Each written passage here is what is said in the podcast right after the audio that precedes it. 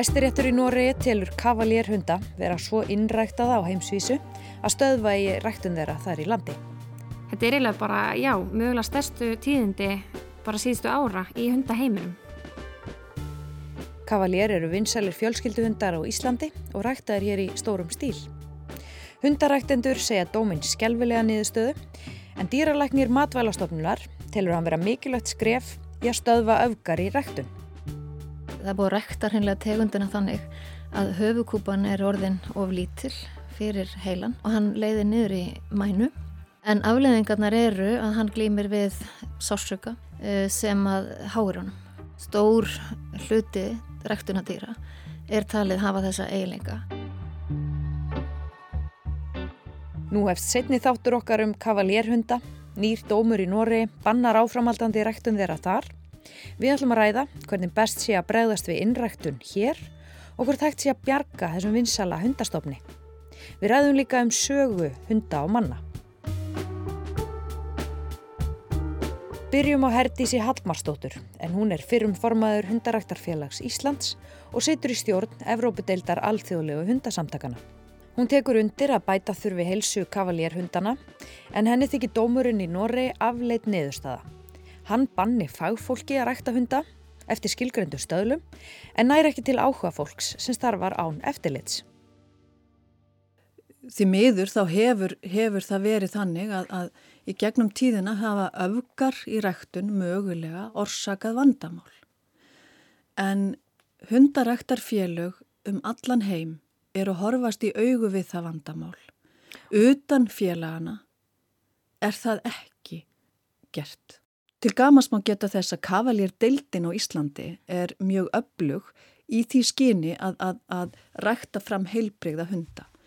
Þannig að áður en að, að paraður er uh, hundur af kyninu kavalýr á Íslandi þá þarf hann að undirgangast uh, heilbreyðis kröfur sem eru hjartavottorð uh, það er uh, augvottorð og nýjaskiljavottorð.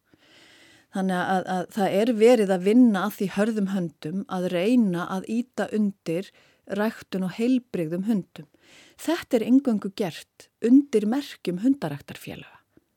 Þeir sem rækta utan hundaræktarfélaga þurf ekki að uh, fullnaða neinum ræktunakröfum og það er kannski likillin í málinu.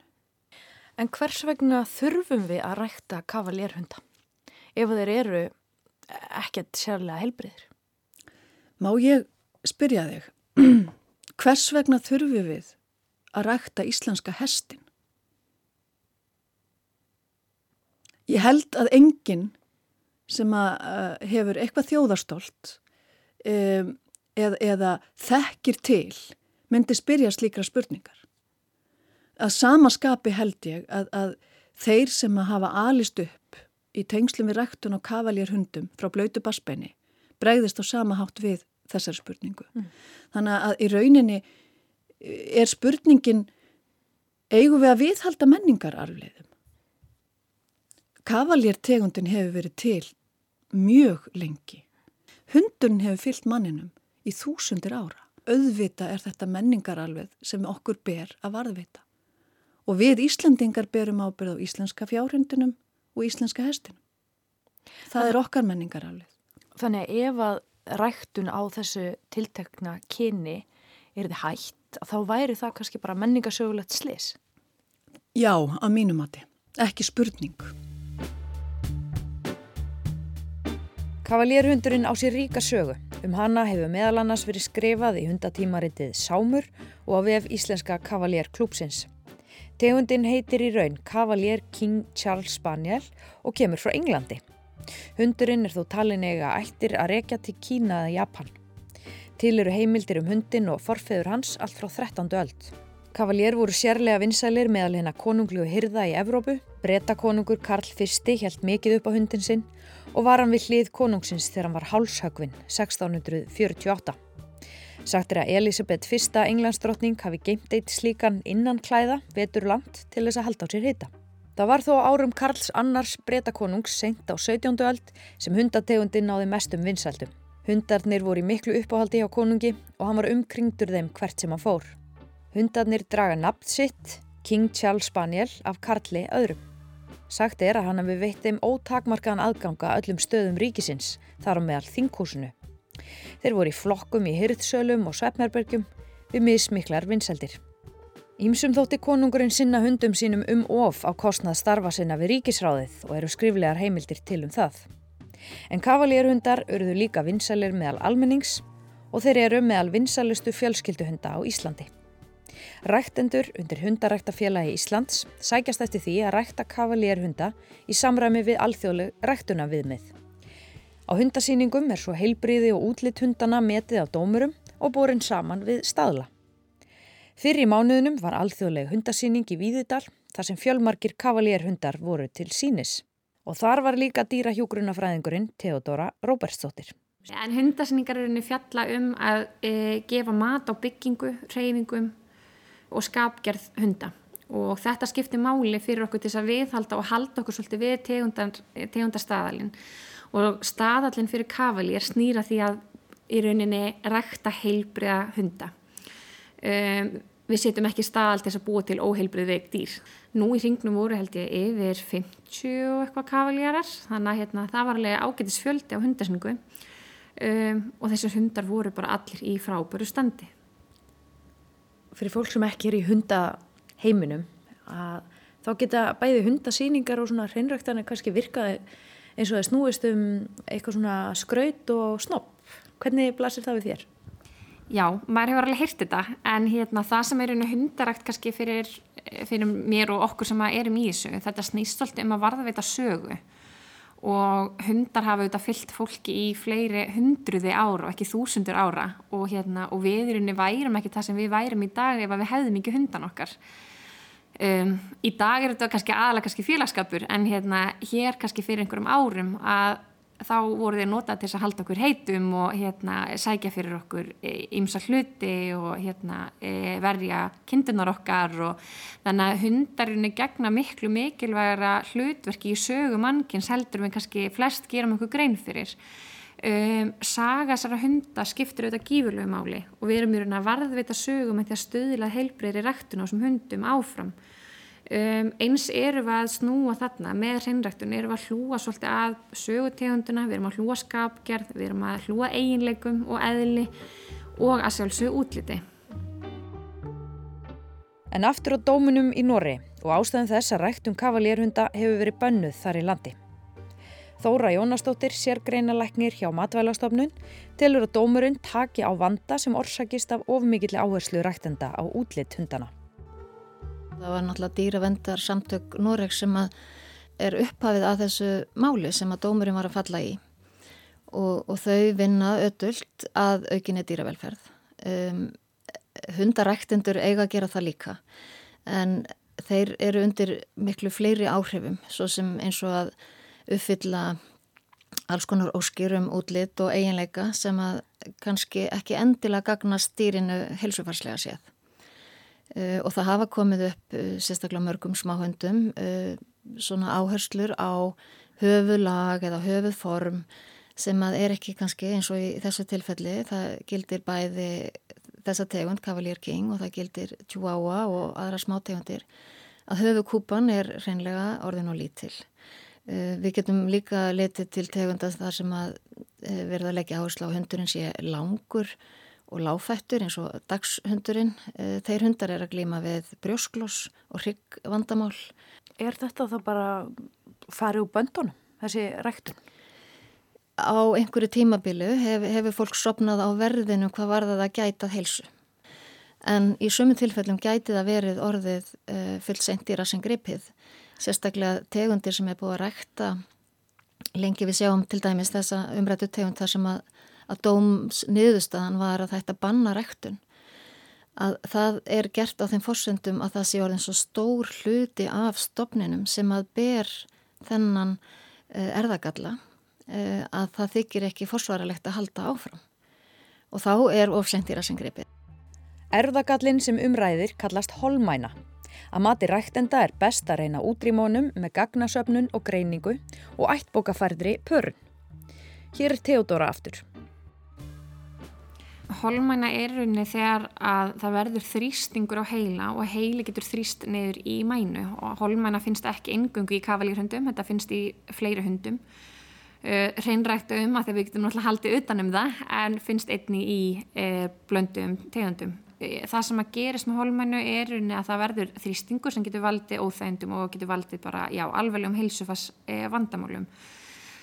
Þetta er að ég til ekki algengt vandamál í þeim hér, allavega ekki hér í stopnunum á Íslandi, uh, en auðvitað þurfum að horfa út á við líka.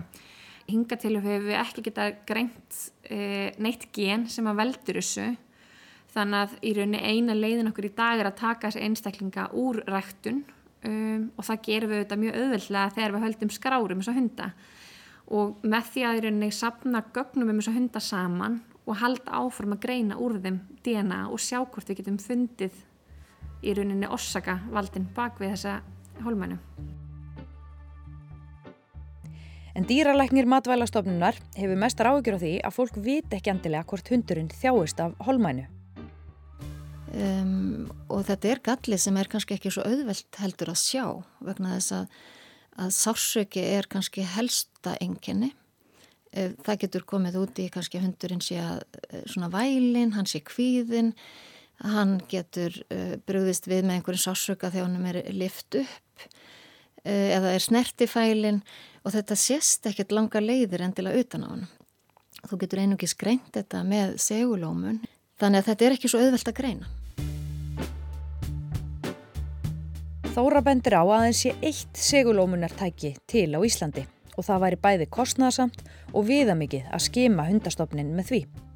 Það sé því erfitt að vita nákvæmlega hver útbreytt holmæna sé í kavalérstofnunum á Íslandi. Þegar að hundar eru hreinræktaðir, eh, paraðir saman og haldin yfir á ættbók og hérna, erum við þá ekki komin svolítið langt frá upprunanum og, og svona náttúrunni?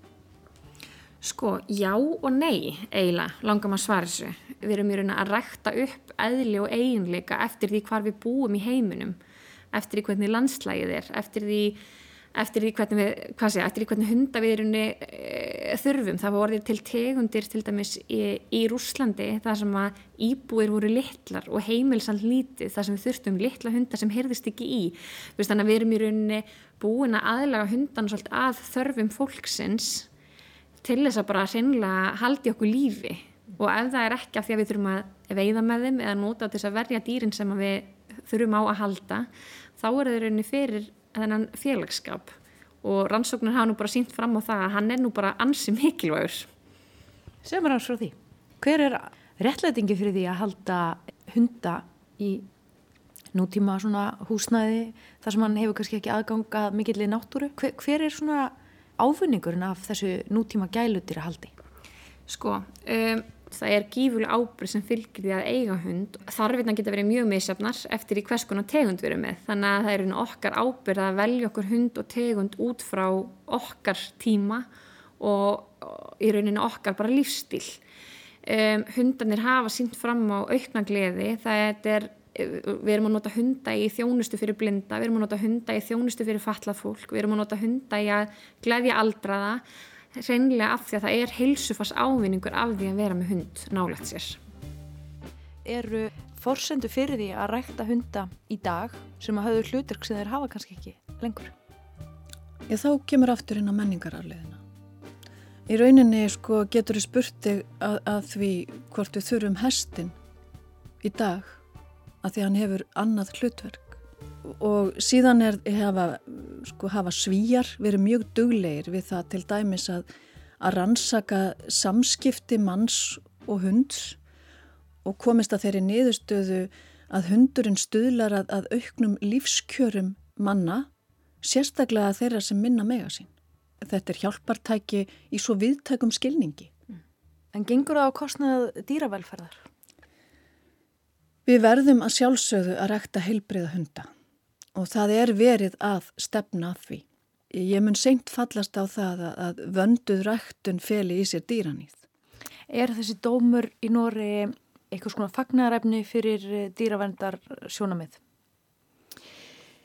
Hann er allavega mikilvægt skref og það er óyggjandi að við höfum sérstaka ábyrð við mannfólkið sem að erum að para dýr og búa til tegundir með vissum eiginleikum. Og þetta er stór ábyrð. Það er stór ábyrð að eh, stíga inn í náttúruna og ákveða hvaða einstaklinga á að para saman og hvernig tegundina á að þróast. Þetta voru loka orðin í setni þætti okkar um innræktun á kavalérhundum. Þóra Tómasdóttir þakkar samfélgina. Við Sunna Valgeradóttir verðum hér aftur á sama tíma á morgun, strax að loknum hátægisfréttum.